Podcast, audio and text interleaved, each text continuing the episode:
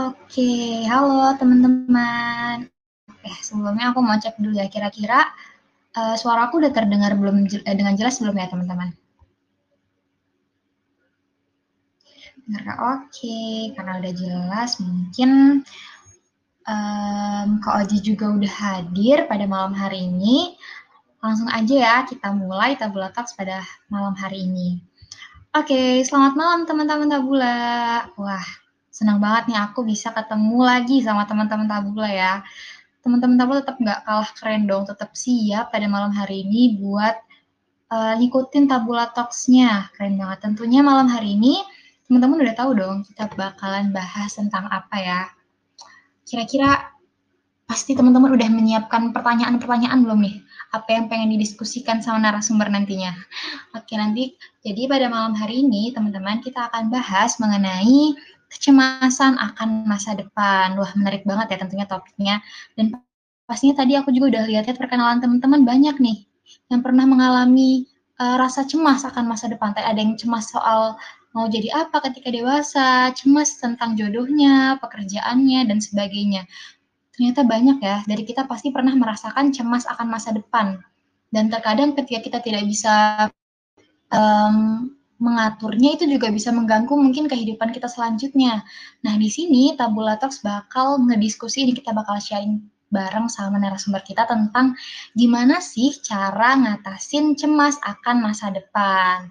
Jadi teman-teman yang tertarik dan juga udah antusias banget nih, harus tetap ikutan ya Tabula Talk hingga selesai nanti. Jadi di sini aku dia dan aku yang bakal temenin teman-teman selama satu jam ke depan buat sharing sama-sama, belajar bareng sama narasumber kita yang keren banget pokoknya. Mungkin aku mau kenalin dulu narasumber kita pada malam hari ini. Jadi beliau adalah Kak Fauzi Budi Prasetyo SPSI dan Kak Oji ini uh, merupakan konselor dan juga praktisi kesehatan mental. Wah, keren banget ya teman-teman. Jadi nanti teman-teman yang udah mau siap-siap sharing, siap-siap bercerita, bertanya-tanya ke Kak Oji boleh banget ya. Disiapkan dirinya, disiapkan catatannya, poin-poinnya nih langsung di keep buat ditanyain ke Kak Oji. Mungkin sebelum itu aku mau uh, sapa dulu Kak Oji ya. Halo Kak Oji. Halo Kak Dia, suaraku kedengeran kan ya? Oke Kak, udah jelas Kak suaranya. Mungkin gimana nih, aku mau tanya-tanya dulu kabarnya Kak Oji pada malam hari ini Kak. Oke, uh, kabar aku pada malam hari ini gimana ya rasanya? Jujur aku ini baru pertama kali uh, jadi pembicara di Tabula Talks, jadi ada rasa deg-degan juga ya rasanya. Kalau Kak Dia gimana Kak. kabarnya? Oke, dari aku alhamdulillah aman sih Kak. Mungkin ini sama-sama deg-degan kita ya Kak ya, walaupun aku udah beberapa kali tetap ini kayak vibes dedekannya nggak bisa hilang gitu ya kak. Nggak apa-apa nggak apa-apa. Mungkin kak Oji udah semangat nih kayak udah buat ngisi tabula talks pada malam hari ini. Iya iya.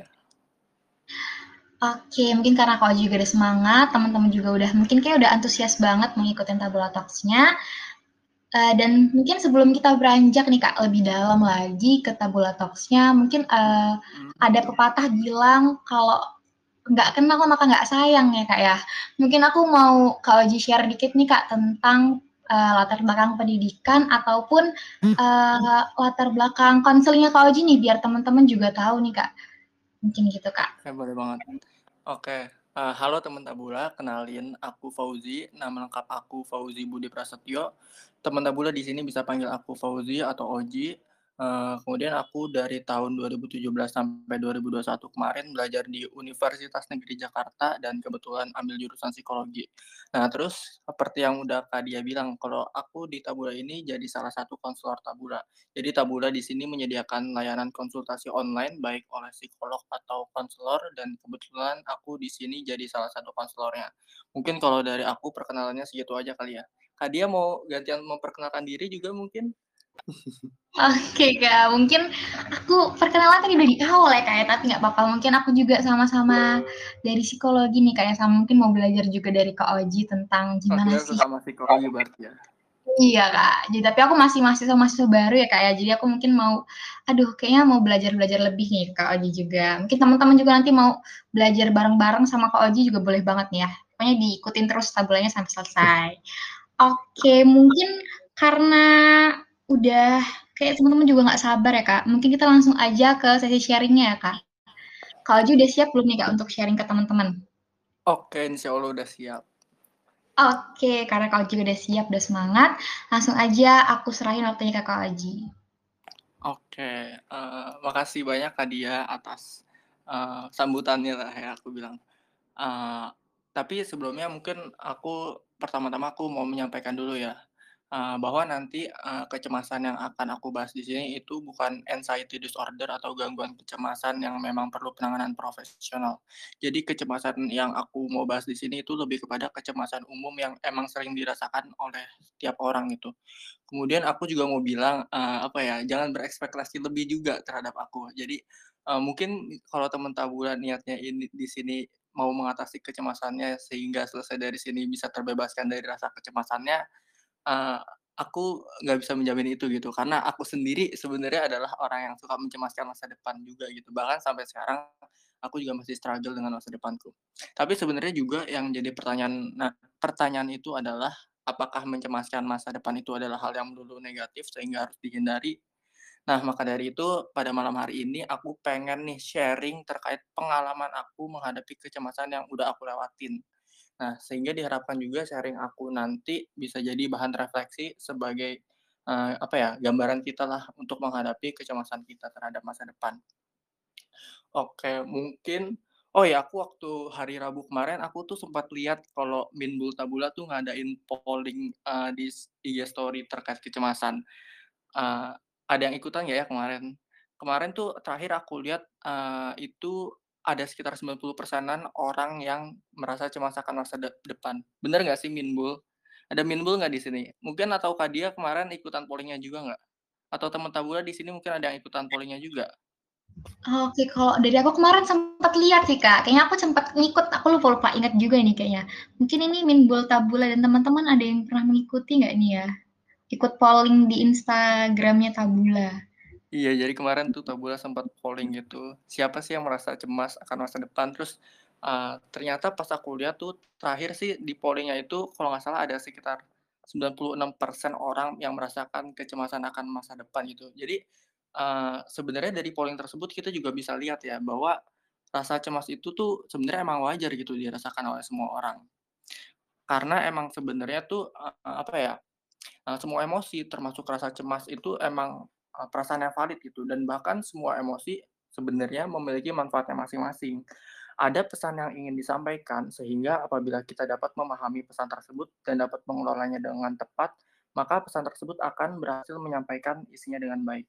Nah, tapi juga sebaliknya nih, kalau misalkan kita tidak bisa mengelola rasa ini dengan tepat, maka uh, atau menjadi perasaan kecemasan yang berlebihan, tentu ini juga nggak baik gitu. Jadi sehingga yang menjadi poinnya adalah bagaimana kita dapat mengelola kecemasan tersebut dengan baik dan memanfaatkannya secara optimal.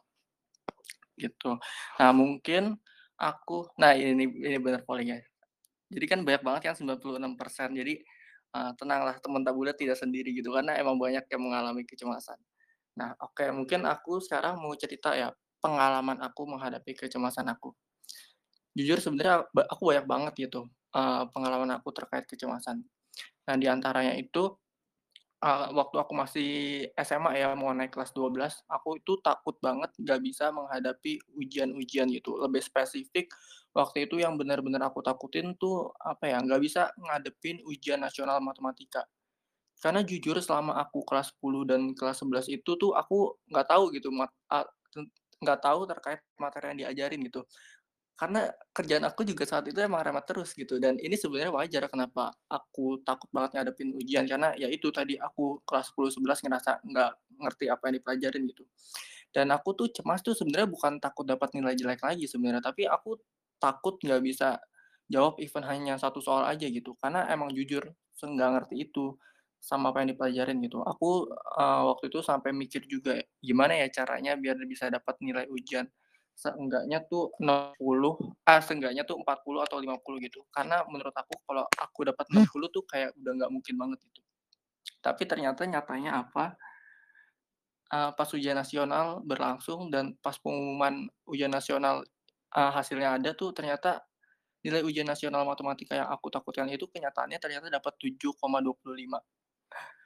Eee, mungkin di sini ada yang berpikiran kalau aku tuh tipe orang yang merendah untuk meroket, kayak bilang nggak bisa, tapi nyatanya bisa. Enggak ya, karena aku beneran dulu se du dulu tuh beneran se-nggak ngerti sama sekali itu, sama matematika. Kayak yang aku bilang tadi, bahkan aku sampai takut nggak bisa nggak bisa jawab meskipun satu soal aja gitu. Dan sebenarnya ketika aku refleksikan sekarang, menurutku ini adalah salah satu keberhasilan aku dalam mengambil isi pesan kecemasan itu, gitu. Nah, itu kecemasan aku yang pertama ya, waktu itu aku, eee, ada lagi kecemasan aku yang lain, yaitu waktu aku mau milih jurusan. Jadi, waktu aku mil milih jurusan tuh aku sebenarnya takut juga, aku ragu untuk mengambil jurusan psikologi. Saat itu pikiranku adalah, aku takut kalau nanti dosen aku bakal menilai aku gitu, aku takut kalau nanti dosen aku bakal baca pikiran aku dan tahu permasalahan hidupku gitu, sampai takut di-judge. Kayak ngapain milih jurusan psikologi kalau sendirinya aja belum bener dan sebagainya. Kalau dipikir-pikir sekarang tuh lucu gitu, dan emang kenyataannya apa, setelah aku lulus kuliah, satu pun dari semua ketakutan aku tuh emang nggak ada yang terjadi gitu. Nggak ada yang namanya dosen tahu semua permasalahan hidupku hanya dengan pikiranku, nggak ada yang namanya dosen nge-judge aku dan sebagainya. Nah, itu waktu, eee, kecemasan aku nentuin pilihan jurusan dulu ya. Ada lagi kecemasan aku yang nggak siap jadi mahasiswa.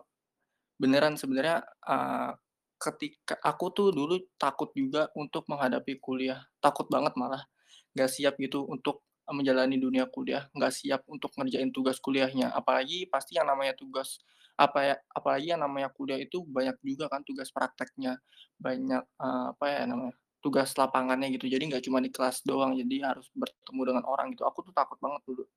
Nah belum lagi di akhir ada yang namanya skripsi. Nah, ini sih yang sebenarnya momok banget buat aku, yang aku takutin banget. Bahkan apa ya, eee eee, apa ya, maksudnya dari aku SMA gitu ya, aku tuh udah takut kuliah tuh, udah mikirin karena aku takut nggak bisa ngerjain skripsi, kayak pikiranku tuh kayak jauh banget gitu.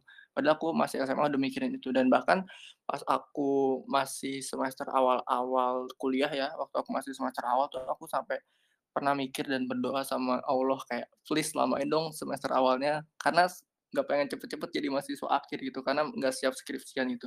Takut nanti nggak bisa ngerjain, nggak tahu mau neliti apa, dan lain-lain. Karena ya itu emang saking nggak siapnya sama skripsian. Bahkan sebenarnya sampai semester 7 pun aku tuh masih nggak siap gitu. Saat itu aku juga masih nggak tahu mau neliti apa, dan pokoknya bingung lah mau nentuin judul apa gitu. Tapi ternyata nyatanya apa, sekarang aku bahkan bisa melalui itu semua dan alhamdulillah bisa lulus tepat waktu dengan nilai IPK yang buat aku cukup lumayan bagus gitu. Kemudian ada meme yang bilang, "Udah capek-capek overthinking, katanya nggak kejadian." Dan setelah aku refleksiin sekarang, emang sih semua kecemasan yang dulu aku takutkan ternyata pada akhirnya bisa aku hadapi gitu. Setelah aku pahamin sekarang, eee, kecemasan itu memiliki pesan yang artinya ada sesuatu hal yang penting bagi kita yang mungkin harus kita persiapkan. Nah, itu pesannya. Sehingga apabila kita bisa memahami pesan tersebut dan mengelola kecemasannya secara tepat, maka hal ini akan berguna buat kita. Nah, eee, aku juga mau menggambarkan, eee, skema yang bisa dijadiin sebagai bahan refleksi, apakah kita sudah mengelola kecemasan tersebut secara tepat atau belum ya.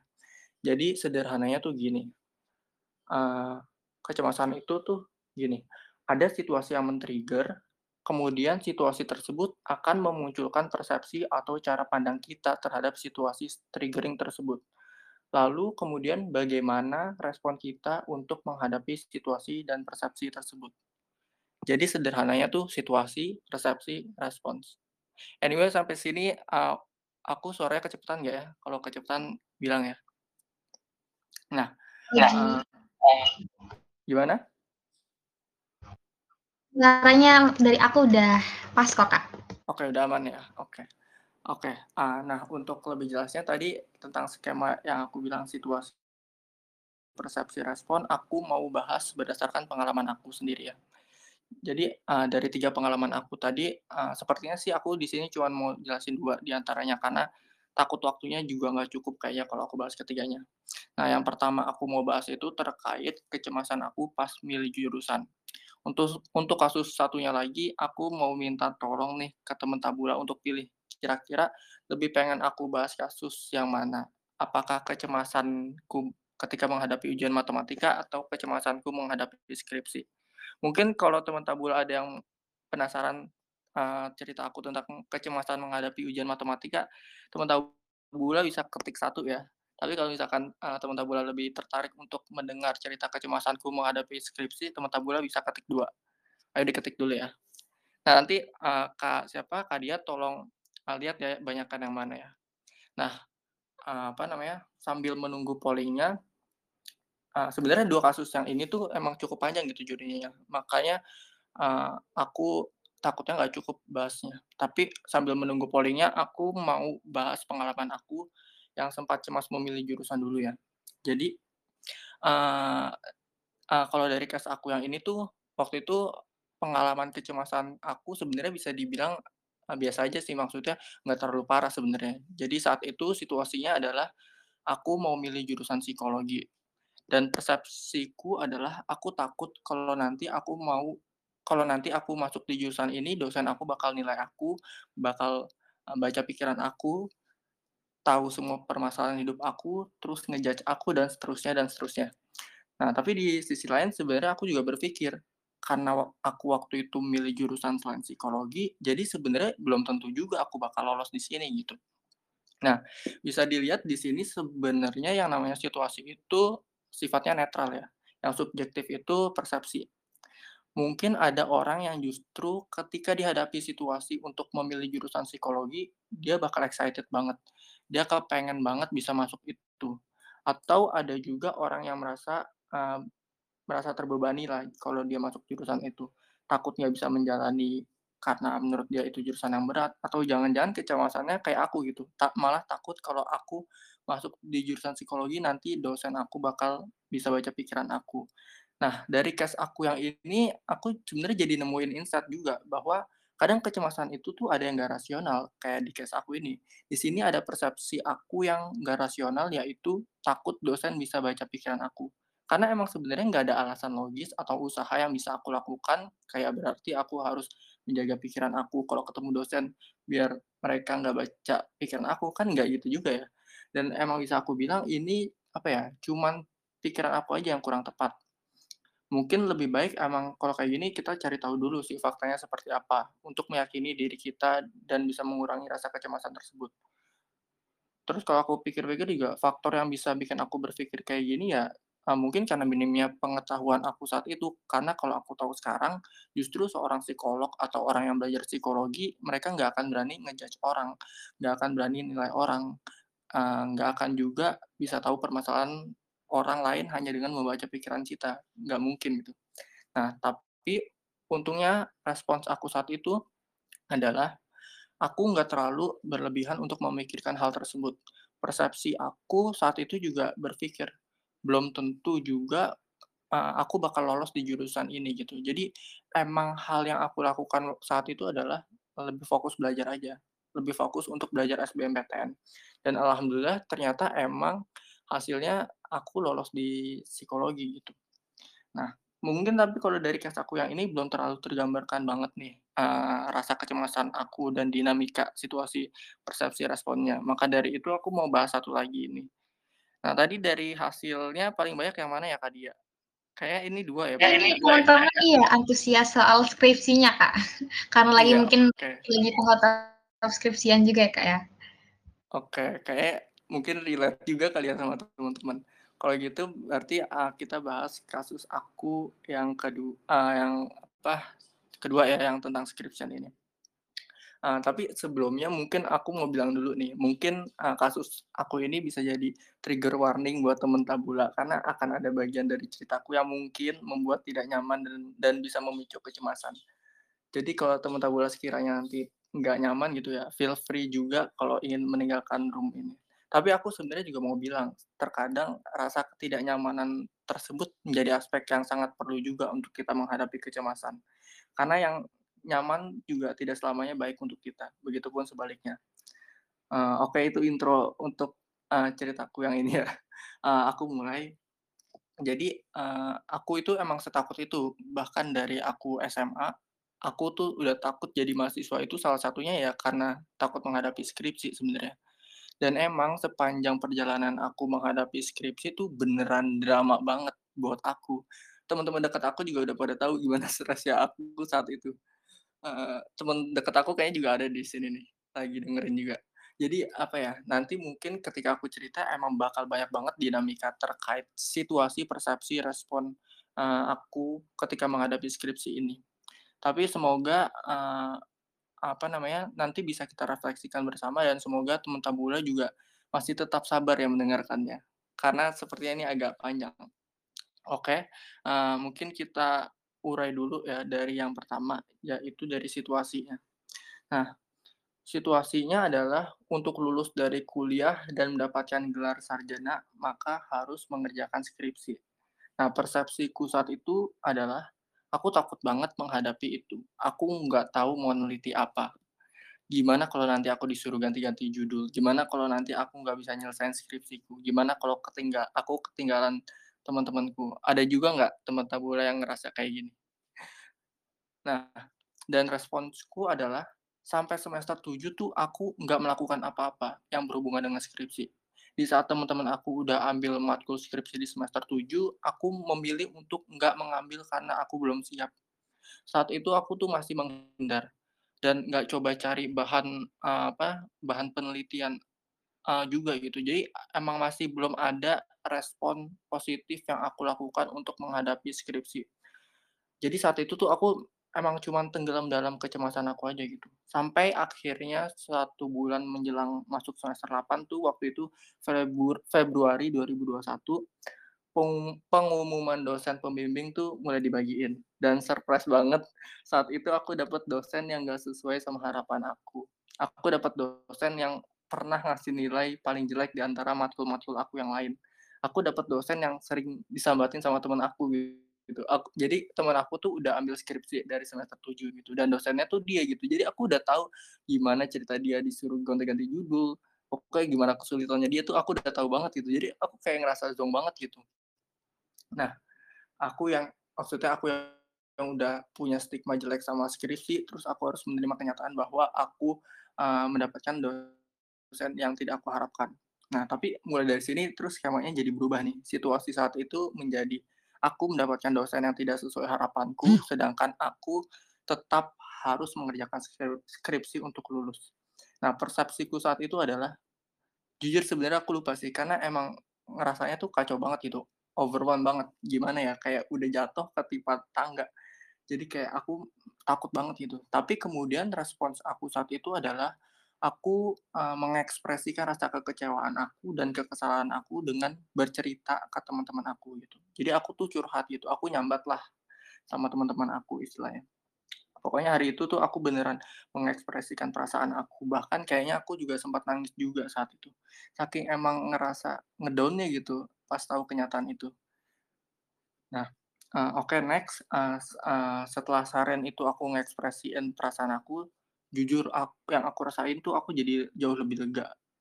Ternyata aku juga dapat insight nih, ternyata emang bener yang namanya emosi ada baiknya juga untuk kita bagikan ke orang lain, yang emang kita percaya ya, kalau kita udah nggak kuat gitu, jadi nggak kita pendam sendiri. Terus juga aku tambah tenang, eee, pas dengar kabar kalau bimbingan akan dimulai satu bulan lagi, yang mana artinya masih ada waktu untuk aku mempersiapkan, eee, untuk aku mempersiapkan kan. Jadi, ya udah tuh, hari demi hari aku mulai ikhlas menerima dosen pembimbing aku. Dan sekitar H-7, eee, H-7 bimbingan, aku mulai mempersiapkan diri. Aku cari tuh topik yang sekiranya sesuai dengan interest dosen aku. Aku tentuin variabelnya apa, terus aku cari fenomenanya, terus aku juga, eee, cari beberapa penelitian terdahulunya. Dan pada saat ini aku mulai merasa bahwa kecemasan aku telah berfungsi dengan baik gitu, karena respons aku udah positif menghadapi kecemasan ini. Sampai akhirnya bimbingan pertama bareng dosen pembimbing aku tiba istilahnya. Nah, aku udah siap banget nih sama topik aku, aku udah pede.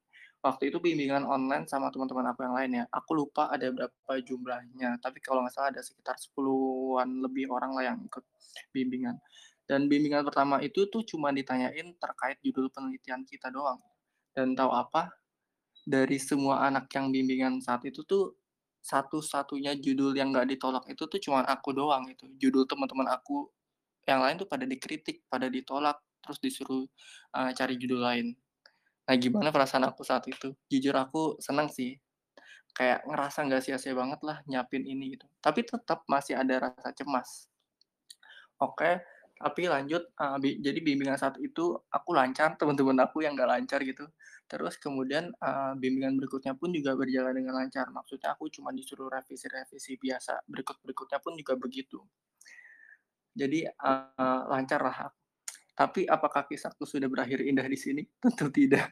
Karena setelah, ha hampir 2 bulan aku cuma disuruh revisi biasa, tibalah akhirnya dosen aku tuh nge-chat aku, eee, ngomong ke aku. Jadi waktu itu jam 12 malam entah jam 12 malam apa tahu jam 1 malam, eee, nge-chat aku, kalau aku tuh disuruh explore variabel lain. Padahal sebelum-sebelumnya tuh nggak ada tanda-tanda aku disuruh explore explore variabel lain gitu. Padahal sebelum-sebelumnya tuh kayak, eee, variabelku tuh udah aman-aman aja gitu. Nah, jadi ternyata dramanya tuh baru dimulai dari sini. Jujur, sejujurnya aku tuh udah mengira sih sebenarnya hal ini bakal terjadi mengingat dosen aku seperti apa gitu. Tapi tetap aja ternyata, eee, saat itu tuh aku nggak siap menerima kenyataannya gitu. Nah, singkat cerita jadinya skemanya tuh berubah lagi. Situasi aku saat itu tuh menjadi, eee, aku dihadapkan kenyataan untuk memilih apakah aku harus mengganti variabel penelitian penelitia penelitianku atau aku mengganti subjek penelitianku gitu.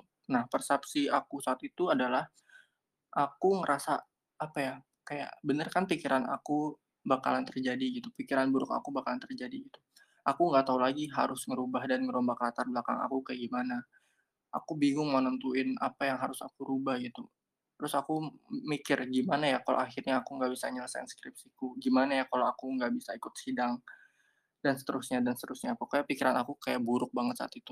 Aku beneran jadi down banget, aku jadi demotivasi banget. Jujur saat itu tuh aku beneran ngerasa se-hopeless itu gitu.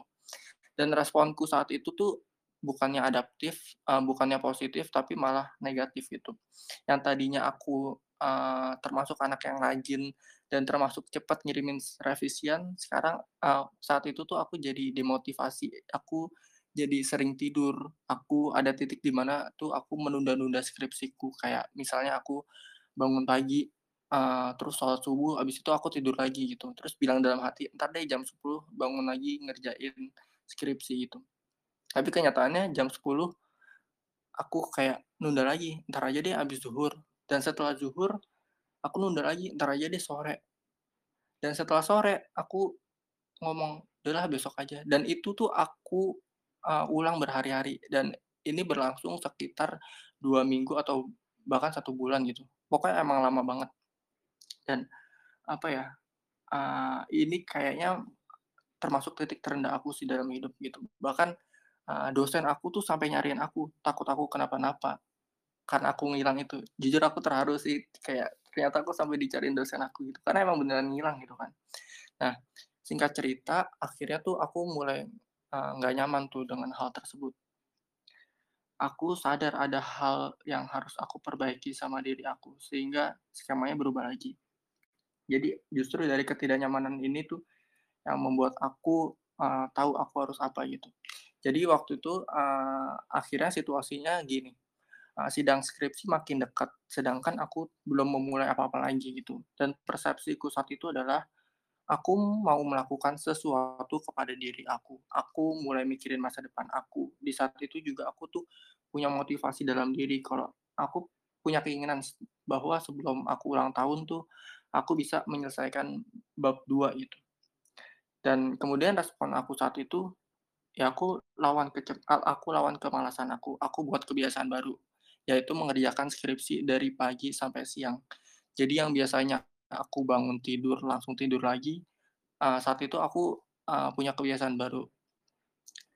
Eee, ini juga bisa sih sebagai tips, eee, dari aku untuk mengatasi kecemasan tersebut ya. Jadi ketika kita merasa respon kita sudah tidak positif, tidak adaptif, eee, itu tandanya ada hal yang perlu kita lakukan gitu. Nah dalam case aku, aku buat kebiasaan baru ini. Eee, aku paham betul untuk membuat kebiasaan baru itu nggak mudah, karena aku pun merasakannya saat itu. Jadi walaupun aku eee, waktu itu udah punya tekad, eee, ternyata itu nggak menjamin akan, eee, langsung berjalan dengan mulus gitu. Untuk start-nya itu ternyata susah banget. Jadi waktu itu, eee, ketika aku udah ada niat, eee, untuk besokannya, jadi besoknya tuh aku udah mulai, eee, baca jurnal kan, aku udah baca jurnal lagi, aku bahkan udah mencoba keras untuk menulis gitu, tapi ternyata stuck, nge-stuck banget, aku nggak tahu nulis apa. Sampai malam-malam tuh aku cerita sama teman aku gitu. Aku cerita kalau aku tuh udah punya tekad nih buat mau lanjutin skripsi, tapi kenapa berat banget, kenapa aku nge-stuck nggak tahu harus nulis apa. Itu beneran dari pagi sampai malam tuh aku bingung gitu. Rasanya tuh kayak buntu banget. Pokoknya malam itu tuh aku, eee, apa ya, aku mengekspresikan lagi perasaan sedihku. Eee, aku curhat malam itu dan ternyata besokannya, apa, aku nggak tahu ini kekuatan Tuhan atau apa, tapi tiba-tiba aku tuh jadi tahu mau nulis apa. Tiba-tiba otak aku tuh jadi lancar banget. Aku ngerjain skripsi dari pagi sampai siang dengan lancar dan dengan perasaan sangat senang, jujur. Itu tuh aku kayak ngerasa aneh banget, padahal kemarinnya aku tuh ngerasa stuck, tapi pas besokannya beneran langsung lancar gitu. Dan setelah aku refleksikan, kayaknya emang bener deh curhat sama temen tentang masalah kita itu tuh di aku ampuh banget gitu. Jadi apa ya, eee, nggak cuman bikin lega, tapi emang dampaknya tuh juga ke respon aku yang jadi positif. Dan bener aja, hari berikut-berikutnya tuh aku jadi lancar banget. Eee, ya sampai akhirnya tuh tepat sehari sebelum aku ulang tahun, bab 2 aku tuh udah selesai gitu. Jadi apa ya, apa yang aku harapkan tuh bisa, eee, menjadi kenyataan istilahnya gitu. Dan di saat itu juga aku tuh beneran ngerasa enjoy banget ngerjain skripsinya. Kalau aku, eee, refleksiin juga ya, waktu itu aku, eee, nggak terlalu keras sih sama diri aku. Aku memberikan waktu pagi sampai siang aja untuk ngerjain skripsi aku gitu. Terus di akhir kalimat setiap aku selesai nyicil skripsi tuh aku suka, eee, apa ya, ngasih kalimat penyemangat lah buat diri aku kayak, "Semangat besok kerjain Eee, misalkan ngerjain definisi bla bla bla ya gitu, pokoknya aku selalu ngasih penyemangat gitulah buat diri aku. Dan setelah itu, setelah aku udah selesai nyicil skripsi, aku langsung tutup laptop aku dan aku pokoknya kayak bebas lah melakukan hal apa yang aku mau gitu sebagai bentuk self reward aku. Aku, eee, makan makanan yang aku suka atau aku dengerin lagu, pokoknya beneran aku melakukan apa hal-hal apa yang aku suka dan besoknya pun aku juga jadi bersemangat lagi untuk mengerjakan skripsi itu gitu. Mungkin ini juga bisa dijadiin tips sih dari aku, kayak apa ya, kita, eee, tidak terlalu keras sama diri sendiri dan menghargai setiap usaha kita itu. Kalau di psikologi juga sebenarnya ini, eee, namanya reinforcement ya, untuk mempertahankan perilaku, eee, yang kita harapkan. Eee, jadi oke, jadi singkat cerita tuh aku selesailah mengerjakan skripsiku Eee, dalam durasi tidak sampai 3 bulan. Jadi, eee, bulan Juni awal aku mulai ngerjain skripsi lagi dan, eee, bulan Agustus tanggal 18 aku tuh udah sidang skripsi. Jadi kan, apa ya, kalau dipikir-pikir ini kayak nggak mungkin banget gitu, kayak keajaiban. Tapi, apa, kalau aku refleksikan gitu, pada akhirnya keberhasilan aku ini ya berkat respons positif aku menghadapi situasi dan persepsi akan kecemasan aku itu itu. Kayak walaupun emang jatuh bangun ya, kalau lihat skemanya tadi juga berubah-ubah gitu, tapi poinnya adalah, eee, gimana kita bisa berespon adaptif menghadapi situasi dan persepsi itu gitu. Jadi mungkin, eee, kita bisa refleksiin juga nih, eee, apakah selama ini kita sudah memanfaatkan dan mengelola kecemasan kita secara tepat atau belum, berdasarkan, respon kita menghadapi situasi atau persepsi itu gitu. Aku yakin sih dari temen tabula di sini banyak yang mengalami kecemasan, tapi pasti banyak juga yang sebenarnya, eee, udah menghadapi kecemasannya secara adaptif atau positif. Dan dari pengalaman ini juga sebenarnya bisa dijadiin sebagai bahan, apa ya, refleksi atau, eee, penguat buat kita gitu, bahwa di masa lalu, eee, kita pernah kok menghadapi kecemasan dengan baik. Nah, dengan mengingat pengalaman itu, semoga rasa kecemasan kita juga bisa jadi tereduksi gitu. Nah, tapi kalaupun emang belum ya, juga nggak apa gitu. Ah, kita kan juga namanya manusia gitu, emang tugas kita untuk selalu belajar dan berproses untuk diri kita. Bisa kita mulai sekarang and that's okay gitu. Namun kalau emang, eee, kecemasan kita udah sangat berlebih dan perlu bantuan, it's okay juga kalau apa, uh, kita cari bantuan, uh, ke profesional gitu. Semua untuk diri kita kok. Nah, terus, uh, itu itu sih cerita aku. Oh, sama ini kali ya, yang perlu yang bisa aku sampaikan juga. Uh, ada hal yang mungkin teman tabula juga banyak yang udah tahu. Jadi ada hal yang uh, bisa kita kendalikan dan tidak bisa kita kendalikan. Sebentar ya, aku mau ngirim foto. Waktu itu Tabula pernah ngirim ini. Nah, jadi ingat ada hal yang bisa kita kendalikan dan tidak bisa kita kendalikan. Tugas kita adalah mengontrol hal yang bisa kita kendalikan. Nah, hal yang bisa kita kendalikan itu apa ya yang ada di sini nih. Apa yang kamu katakan pada diri kamu, bagaimana cara kamu berpikir atau uh, persepsi kita, bagaimana cara uh, kita memperlakukan diri kita uh, ke diri kita atau ke orang lain, terus apa yang uh, kita lakukan apabila kita gagal gitu. Nah di luar uh, ini seperti hasil dari usaha kita dan hal-hal yang terjadi di sekitar kita itu tuh udah bukan dikendali kita lagi gitu. Jadi kita fokus aja sama apa yang bisa kita kendalikan. Itu. Mungkin uh, sharing aku uh, mungkin sharing dari aku sampai sini aja kali uh, kali ya Kak dia. Uh, udah kalau dari aku gitu. Oke, terima kasih Kak Fauzi atas sharing-nya. Wah, menarik banget ya teman-teman. Tadi kita juga uh, sama-sama mendengarkan gimana sih struggle-nya, perjuangannya Kak Oji uh, dalam skripsinya, dalam prosesnya. Pokoknya ya, pokoknya struggle-nya Kak Oji gitu ya. Mungkin teman-teman juga punya uh, cerita versinya teman-teman terkait struggle teman-teman menghadapi kecemasan teman-teman. Gimana tadi kata Koji juga ada tips-tips ya. Uh, kita jangan terlalu keras terhadap diri sendiri, jangan juga self, jangan lupa juga self reward kita. Terus juga sebenarnya ini nih gimana sih respon adaptif yang bisa kita terapkan terhadap kecemasan itu biar agar kecemasan kita tuh sebenarnya bisa lebih diatur seperti itu. Dan ini juga tadi Kak juga udah sama-sama share, karena tabula juga ternyata pernah ya teman-teman pernah dibagiin, kalau ada nih hal-hal yang nggak bisa kita kontrol sama hal-hal yang bisa kita kontrol. Jadi teman-teman tabula mungkin yang lupa nih boleh banget dilihat-lihat lagi, uh, apa-apa aja sih ternyata yang bisa kita kontrol dan nggak bisa kita kontrol. Jadi bisa direfleksikan kembali ke diri kita masing-masing. Mungkin karena tadi kita udah mendengarkan sharing dari Kak Oji juga, sekarang kalau misalnya teman-teman mau sharing, boleh banget nih teman-teman. Langsung bisa raise hand atau ketik di kolom chat juga boleh banget. Terus juga nanti kalau misalnya di akhir sesi seperti biasa ya teman-teman, uh, kolom diskusinya Tabula akan tetap dibuka selama 30 menit. Namun pada malam hari ini uh, diskusi hanya dibatasi sampai dengan tiga pertanyaan saja. Jadi nanti kalau misalnya sudah uh, penanya, maka kolom diskusinya akan ditutup seperti itu.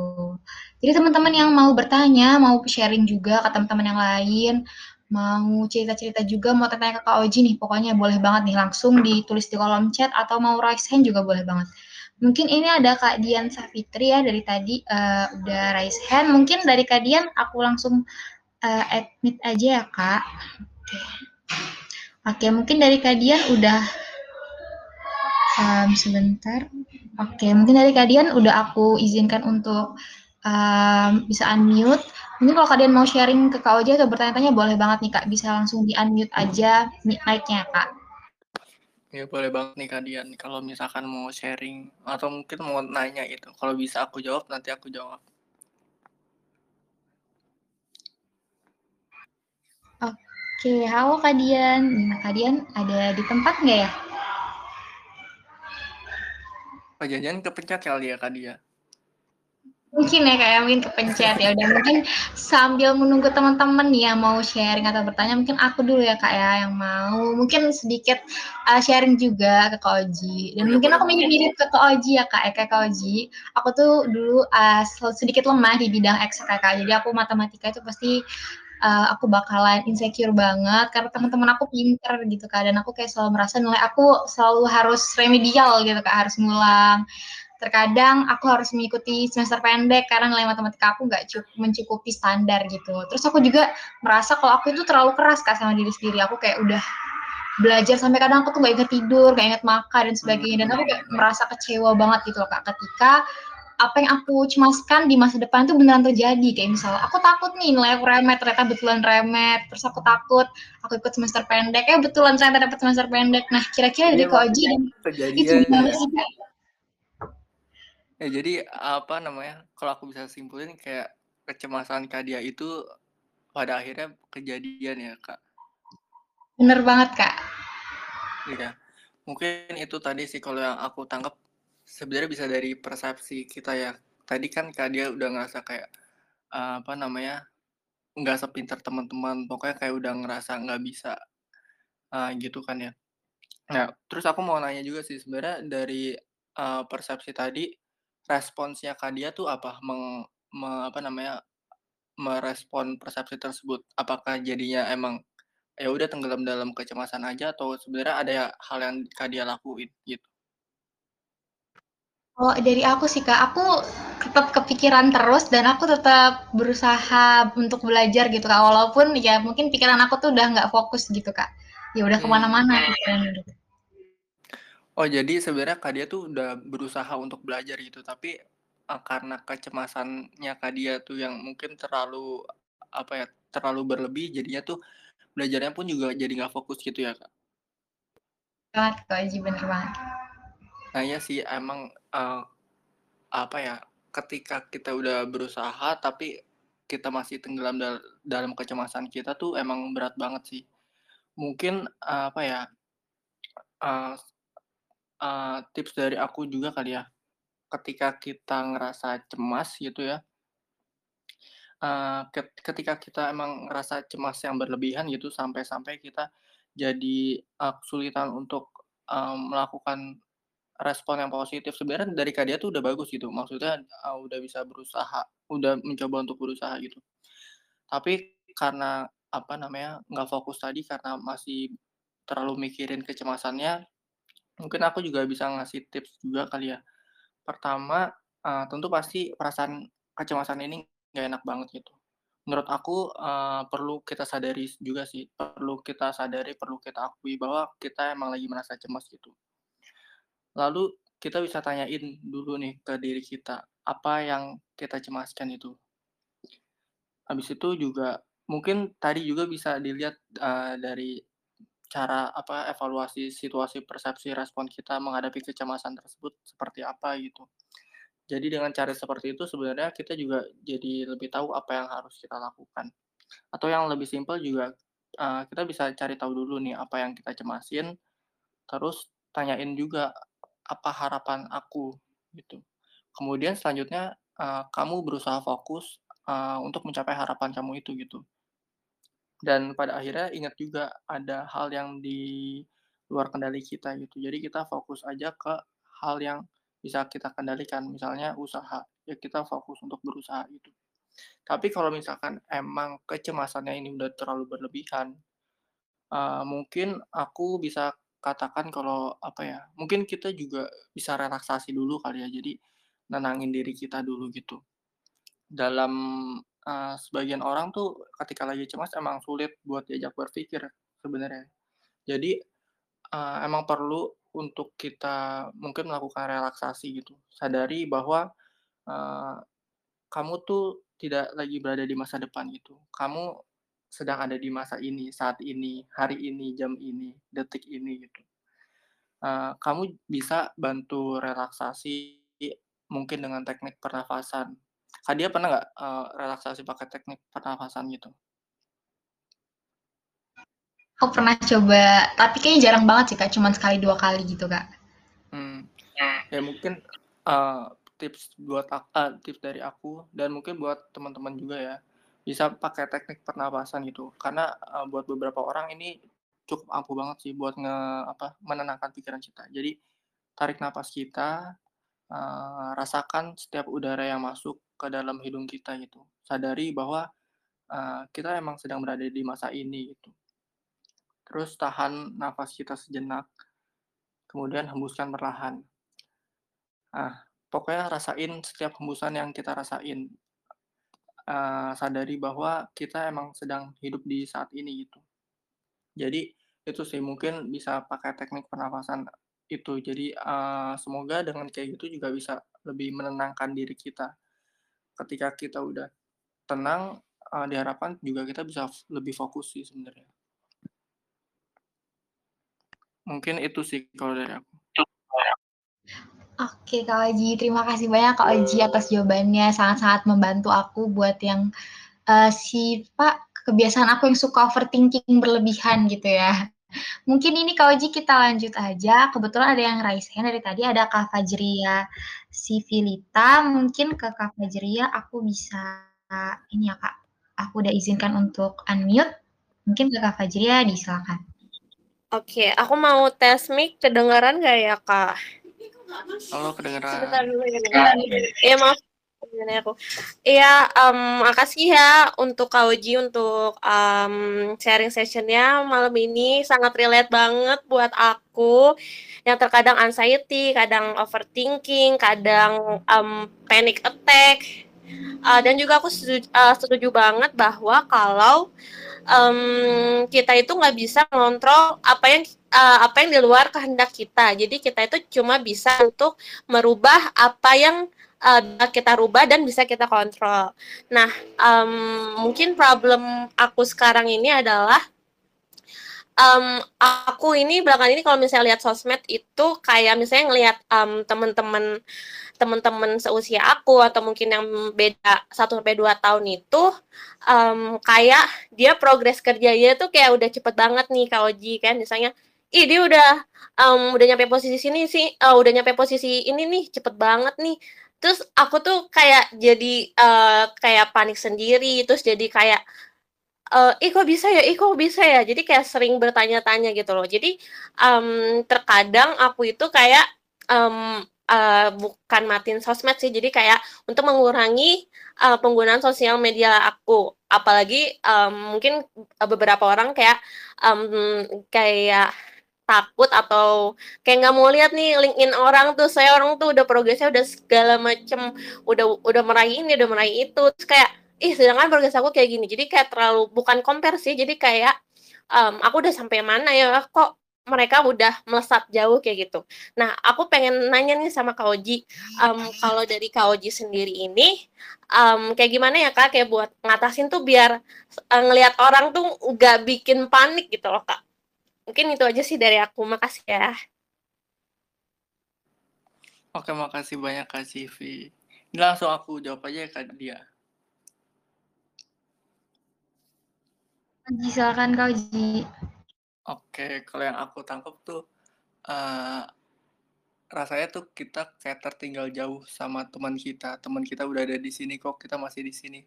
Secara nggak langsung sebenarnya itu uh, jadinya ada membandingkan diri kita juga nggak sih sebenarnya? Dan ini Iya, kayaknya bener banget. Iya, dan ini juga Kita sebenarnya Kak. Heeh, ini apa ya, problem banyak orang juga sebenarnya sih. Jadi kita nggak sendiri. Aku, eee aku kadang suka merasakan gitu sih, tapi untungnya aku nggak sering merasakan kayak gitu. Karena kalau aku ya, eee, ini kalau aku pribadi menanggapi hal itu, aku aku aku gini sih. Aku bilang kepada diri aku sendiri, aku mempertanyakan kepada diri aku sendiri kayak gini, eee, emang sebenarnya ada ya standar baku yang menentukan bahwa kita misalnya di umur segini harus udah seperti ini, di umur segini kita harus udah segi eee, udah udah harus bisa kerja kayak gini, emang ada standar baku kayak gitu? Dan setelah aku pikirin tuh sebenarnya nggak ada gitu. Dan, eee, menurut aku tiap orang juga, eee, punya, eee, apa ya, caranya masing-masing juga, punya waktu timing-nya masing-masing juga, dan sebenarnya juga punya kebutuhannya masing-masing juga gitu. Dalam arti mungkin, eee, ada orang yang udah kerja karena dia emang, eee, butuh itu gitu, maksudnya butuh untuk kerja, untuk emang dia perlu untuk cari duit gitu. Tapi mungkin juga ada orang lain yang, eee, misalnya dia tuh masih ingin, eee, menimba ilmu gitu, masih mau, eee, entah lanjut kuliah atau apa gitu. Jadi sebenarnya mas menurut aku tuh masing-masing orang sebenarnya tuh punya kebutuhannya masing-masing gitu. Kalau kita samain kayak, eee, kok aku belum ada di titik kayak mereka ya, ya jelas karena kita bukan mereka. Sebenarnya itu sih, karena kita ya diri kita sendiri, mereka ya mereka gitu. Dan kalau kita lihat, uh, mereka gitu ya, mereka aku rasa mereka juga pasti ada insecure-annya tersendiri juga gitu, kayak mereka ngerasa, "Kok aku belum, uh, seperti dia ya?" Gitu. Jadi kayak ada rasa ketidakpuasan itu sendiri dalam diri. Sebenarnya kalau kita pikirin sih, rasa ketidakpuasan itu tuh bag bagus ya, bagus dalam arti, eee, berarti kita tuh punya, eee, keinginan untuk, eee, menjadi lebih gitu, maksudnya punya keinginan untuk berkembang gitu. Nah, tinggal gimana kita meresponnya aja, balik lagi sih sebenarnya. Tinggal kita eee, gimana meresponnya ketika emang, eee, kita merasa kita ingin seperti itu, berarti tinggal usaha kita aja. Eee, ingat yang bisa kita lakukan adalah usaha kita. Kalau misalkan nanti hasilnya kita beneran bisa jadi seperti itu, berarti ya itu bonus dari usaha kita gitu. Tapi kalau ketika kita udah usaha, eee, belum mencapai itu, ya nggak masalah gitu. Berarti mungkin, eee, Tuhan menakdirkan yang lain atau pokoknya tetap ada, eee, pelajaran yang kamu dapetin gitu pastinya. Aku nggak tahu sih ini menjawab apa enggak, kira-kira gimana Kak Civi? Sudah sangat menjawab sih, Kak. Makasih ya, Kak, atas pers uh, perspektifnya. Makasih. Oke, terima kasih Kak Civi atas pertanyaan dari Kak, Kak Oji juga udah menjawabnya dengan sangat uh, baik. Semoga jawaban dari Kak Oji bisa membantu Kak Civi ya. Mungkin aku izin membacakan pertanyaan selanjutnya ya Kak Oji. Itu dari ada pertanyaan dari Kak Nur, yaitu pertanyaannya, aku Nur dari Makassar, aku takut dikritik sama dosen Kak, jadi menunda-nunda tugas akhirku dan sudah tertinggal daripada teman-teman yang lain. Gimana sih Kak caranya supaya tenang dan punya mental yang kuat di saat saat dikritik? Mungkin itu pertanyaannya Kak Oji, langsung mau dijawab Kak? Oke boleh. Uh, Oke. Kasusnya di sini uh, siapa namanya Kanur ya. Kanur takut dikritik sama dosen. Uh, jadinya responnya tuh menunda-nunda tugas dan situasinya juga udah tertinggal dari teman-teman gimana caranya supaya tenang. Nah, sebenarnya apa namanya, dikritik dari dosen, kritik itu kan termasuk, uh, apa ya, omongan, uh, orang lain gitu. Yang mana sebenarnya kalau dari segitiga kontrol tadi tuh, itu adalah hal-hal yang tidak bisa kita kontrol gitu. Perkataan orang lain terhadapmu itu nggak bisa kita kontrol. Mungkin perlu dipahami itu dulu. Jadi uh, sebenarnya kayak mau kamu, uh, sebagus apa pun usaha kamu, ketika orang lain mungkin punya pikiran lain, dia tetap bakal kritik kamu gitu. Tapi yang menjadi poin utama adalah usaha kamu itu, kamu tetap berusaha melakukan apa pun. Uh, jadi karena itu juga yang emang yang bisa kita kontrol gitu. Jadi tetap fokus aja sama usaha kita sendiri dan, uh, istilahnya kita pasrahkan aja hal-hal yang nggak bisa kita kontrol gitu. Yang penting kita udah berusaha, uh, ya udah mau mau apa nama hasilnya gimana juga, ya udah gitu, yang penting kita udah berusaha. Jadi kalau dari aku mungkin paham, uh, apa ya, maknai dulu, sadari dulu betul bahwa emang itu adalah hal yang nggak bisa kita kontrol. Bahkan ketika, uh, kabar baik eh, kabar buruknya adalah bahkan ketika kita udah melakukan usaha sekeras apa pun itu nggak menjamin kalau kita nggak bakal dikritik gitu. Jadi ingat tugas kita hanya berusaha dan ya udah sih itu kalau dari aku. Cuman mungkin uh, yang bisa aku bilang adalah valid banget kalau kamu merasa sakit hati dikritik karena aku juga sebenarnya tuh orang yang nggak suka dikritik sedangkan dosen aku tuh suka mengkritik aku tapi ya udah kayak karena itu nggak bisa aku kontrol, aku memilih untuk, ya udahlah bodo amat yang penting, uh, fokus aja sama apa yang aku kerjain gitu. Sama ini sih aku, uh, caranya juga support sama temen sih, kayak ketika aku, uh, dikritik sama dosen perasaan aku sakit hati gitu ya, terus aku ya udah curhat sama temen. Mungkin itu sih, it kalau itu juga bisa, uh, jadi salah satu cara kita buat nenangin diri kita juga, kayak apa ya, uh, mungkin emosi, kesedihan kita, kemarahan kita itu juga jadinya kita bagikan ke teman kita gitu. Jadi, uh, mungkin itu sih tipsnya, jadi buat menenangkan diri kita. Selain itu mungkin tadi ya, itu teknik pernapasan kalau misalkan kamu jadi kayak merasa deg-degan banget, kamu bisa pakai teknik pernapasan. Itu kalau dari aku, Kak Nur. Makasih atas pertanyaannya. Semoga bisa menjawab ya. Oke, terima kasih Kak Nur atas pertanyaannya. Ini relate juga relate banget ya, apalagi buat anak kuliahan ya Kak. Kadang kita juga nggak um, suka ya Kak dikritik kayak ah kalau dikritik hmm, kan kayak banget nih di hati nih. bener banget. Dan terima kasih juga nih Kak Oji udah uh, memberikan jawaban untuk Kak Nur. Semoga jawaban dari Kak Oji cukup jelas ya Kak. Tadi juga aku tangkap nih uh, pelatihan pernafasan itu mungkin bisa berguna banget nih Kak ya buat orang-orang Kak biar mengatasi rasa cemasnya seperti itu.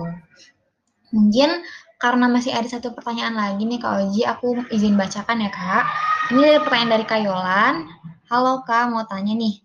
Rasa cemasku dari dulu cuma satu Kak. Setiap aku kena tegur, habis dimarahin ortu gitu, apalagi sama ibu, pasti beliau selalu ada kata-kata yang lebih ke uh, mungkin mengatain di sisi lain aku juga mikir ucapan ibu itu kan bisa jadi doa buat anaknya. Soalnya ngatainnya itu bisa berhubungan sama masa depan aku. Contohnya yang aku ketik dari awal tadi, lulusan SMA aja kamu masih jadi eh, sampah apalagi kalau keluar kuliah. Jadi aku selalu mikir kayak apa iya nanti kalau insya Allah dapat gelar bakal jadi lebih dari sampah. Semenjak dikata-katain kalau habis dimarahin tuh yang ada di otakku kayak keluar kuliah aja, keluar kuliah aja gitu sih Kak, minta saran dan kritikan mungkin biar nggak gitu lagi. Mungkin dari Kak Oji sudah bisa langsung menjawab Kak? Oke, untuk Kak Yolan, uh, I'm sorry to hear that ya. Apa ya, rasanya mungkin perasaannya sakit banget uh, dikatain kayak gitu. Aku juga ngerasain kayak sedih banget sih, apalagi kayak sama ibu kita sendiri gitu kan. Uh, uh, mungkin kalau aku berat sih rasanya. Uh, aku jadi speechless.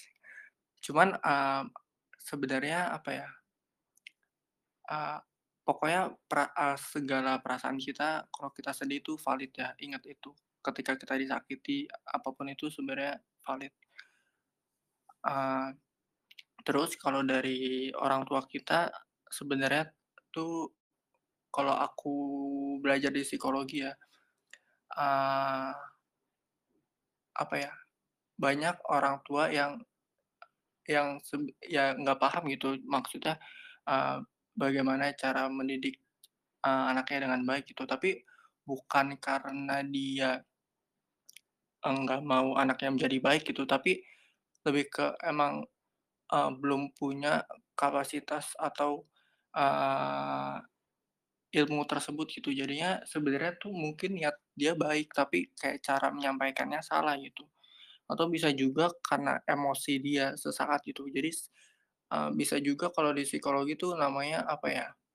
Mekanisme pertahanan diri yang uh, jadinya membuat kita jadi uh, bisa jadi ya orang tua kamu itu sebenarnya lagi kesel sama orang lain gitu, tapi uh, dia menyampaikan kekesalannya tuh ke kamu gitu sampai sampai dia mengatakan hal yang, uh, mungkin jadinya menyakiti hati kamu gitu. Padahal pasti yang namanya orang tua itu, uh, nggak apa ya, nggak mau anaknya tuh jadi uh, maksudnya nggak mau menyakiti anaknya sebenarnya, cuman karena caranya itu salah, eh, caranya itu yang kurang tepat karena ya itu tadi, nggak paham. Tapi ya kita juga nggak, nggak bisa apa ya, nggak bisa menuntut itu juga kan maksudnya, uh, Uh, maksudnya, uh, ini juga sebenarnya juga di luar kendali kita juga kan, sebenarnya perkataan orang lain itu di luar kendali kita, balik lagi kayak tadi sih.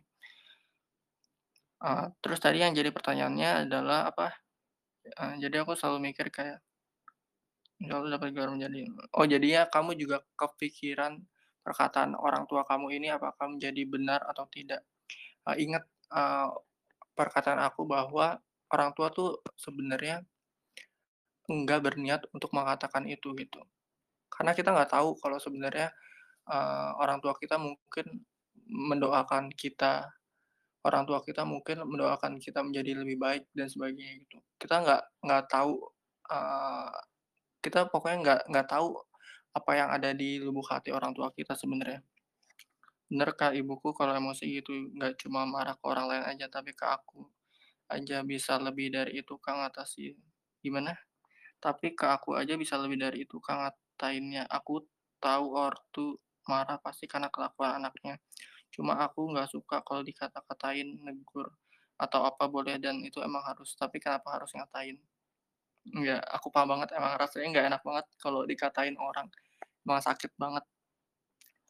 Eee, mungkin apa ya, kalau mungkin kamu udah pernah ini belum, apa namanya, komunikasiin ini ke orang tua kamu, kayak kalau kamu sebenarnya nggak suka dikatain. Mungkin kalau misalkan ada waktu gitu ya, ada waktu, eee, ketika orang tua kamu lagi tenang gitu, maksudnya lagi dalam keadaan emosi yang stabil, kamu mungkin bisa ngajakin ngobrol gitu, kamu bisa, eee, curhat ke orang tua kamu. Udah sering Kak? Oke, terus respon dia gimana?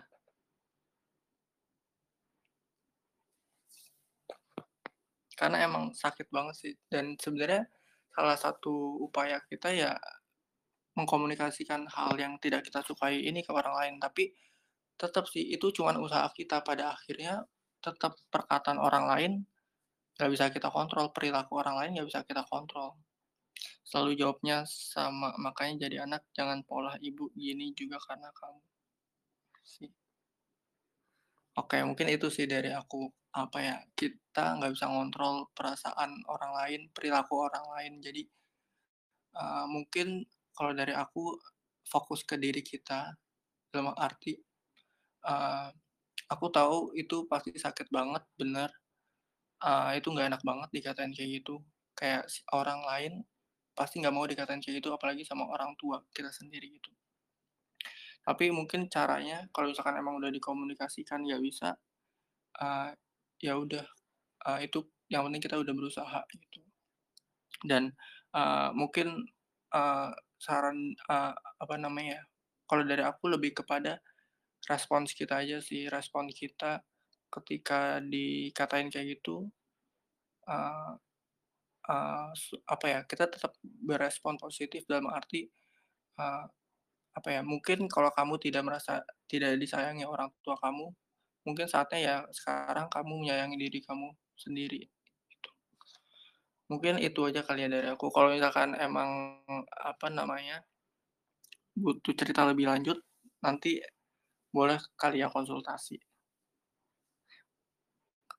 Mmm, udah mungkin dari aku ya. Maaf ya kalau masih kurang menjawab.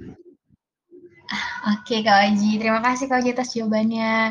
Terima kasih juga untuk Kak, eee, Yolan udah mau sharing nih ke temen ki kita semua.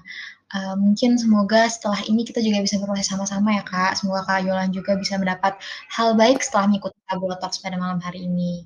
Oke, mungkin karena ini, eee, sudah jam 8 dan, eee, seharusnya sesi Tabula juga sudah berakhir, mungkin nanti, mmm, teman-teman yang masih ingin bertanya diperbolehkan, tapi nanti kita akan melanjutkan di sesi diskusi ya teman-teman. Jadi eee eee, sesi Tabula Talks-nya kita akhiri dan kalau misalnya nanti yang mau berlanjut eh, yang mau bertanya boleh banget dilanjutkan di sesi diskusi nanti Kak Oji bakal, menjawab pertanyaan dari teman-teman, eee, dibatasi oleh 3 pertanyaan saja ya.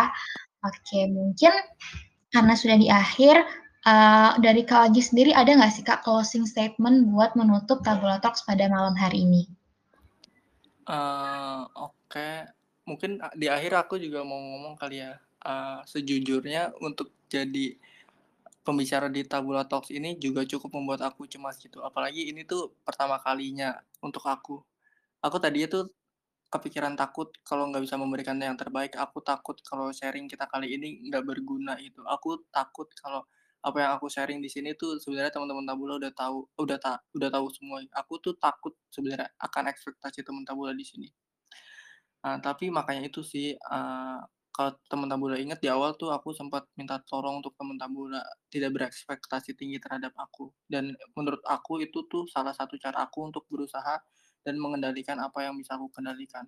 Oke, aku tidak bisa mengendalikan keputusan teman Tabula untuk mengikuti permintaan aku, karena mem emang itu di luar kendali aku gitu, tapi aku udah mengendalikan pikiran dan perasaan aku. Dengan mengatakan itu, aku jauh lebih tenang, lebih dari itu juga, eee, aku tuh pokoknya jadi lebih tenang banget perasaan aku.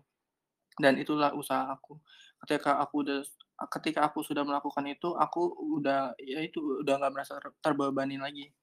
Dan untuk closing statement-nya mungkin, eee, pada akhirnya kita perlu menyadari bahwa masa depan tidak ada yang pasti, bahkan sebesar apa pun persiapan kita, tetap tidak ada yang menjamin jika Tuhan tidak menakdirkannya. Namun poinnya adalah, dibanding kita terus memikirkan masa depan yang tidak pasti, sebagai manusia kita hanya bisa berusaha mempersiapkan dan menikmati apa yang ada di hadapan kita sekarang, here and now. Mungkin dari aku itu aja, makasih banyak buat teman Tabula dan makasih makasih banyak juga buat Kak Dia. Mohon maaf kalau aku ada salah kata. Nah, terima kasih Kak Oji. Ini closing statement yang indah banget nih dari Kak Oji buat teman-teman Tabula dan menutup Tabula Talks pada malam hari ini. Semoga uh, apa yang telah sama-sama kita sharingkan, kita belajar, kita diskusikan itu bisa bermanfaat baik uh, dan bisa menjadikan proses kita semakin lebih baik lagi ya teman-teman ke depannya.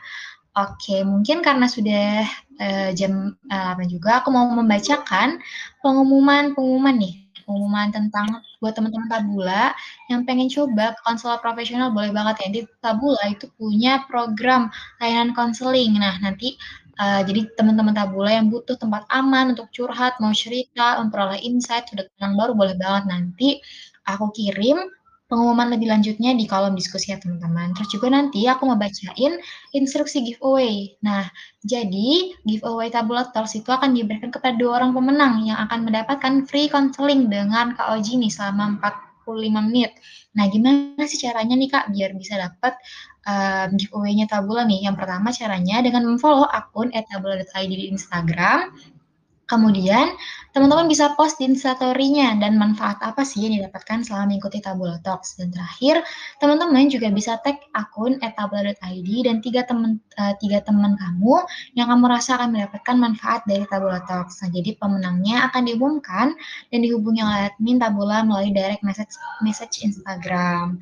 Oke, mungkin uh, itu ya teman-teman pengumuman uh, untuk uh, giveaway dan seputar konselornya.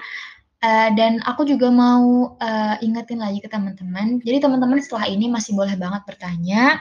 Masih boleh. Jadi kalau misalnya teman-teman masih punya pertanyaan, hal yang mau diskusikan sama Kak Oji, boleh banget nih langsung diketik uh, di kolom diskusi karena nanti selama 30 menit ke depan Kak Oji juga masih uh, akan uh, menjawab pertanyaan teman-teman nih. Uh, dan pertanyaannya dibatasi oleh ketiga orang saja. Oke, mungkin um, untuk uh, sekian untuk malam ini. Terima kasih teman-teman atas antusiasmenya mengikuti Tabula Talk hingga selesai. Mohon maaf bila ada kesalahan dari aku. Sampai jumpa di Tabula Talk selanjutnya. Dadah teman-teman. Terima kasih Kak Oji juga. Dadah Kak Dia, dadah teman-teman Tabula semua.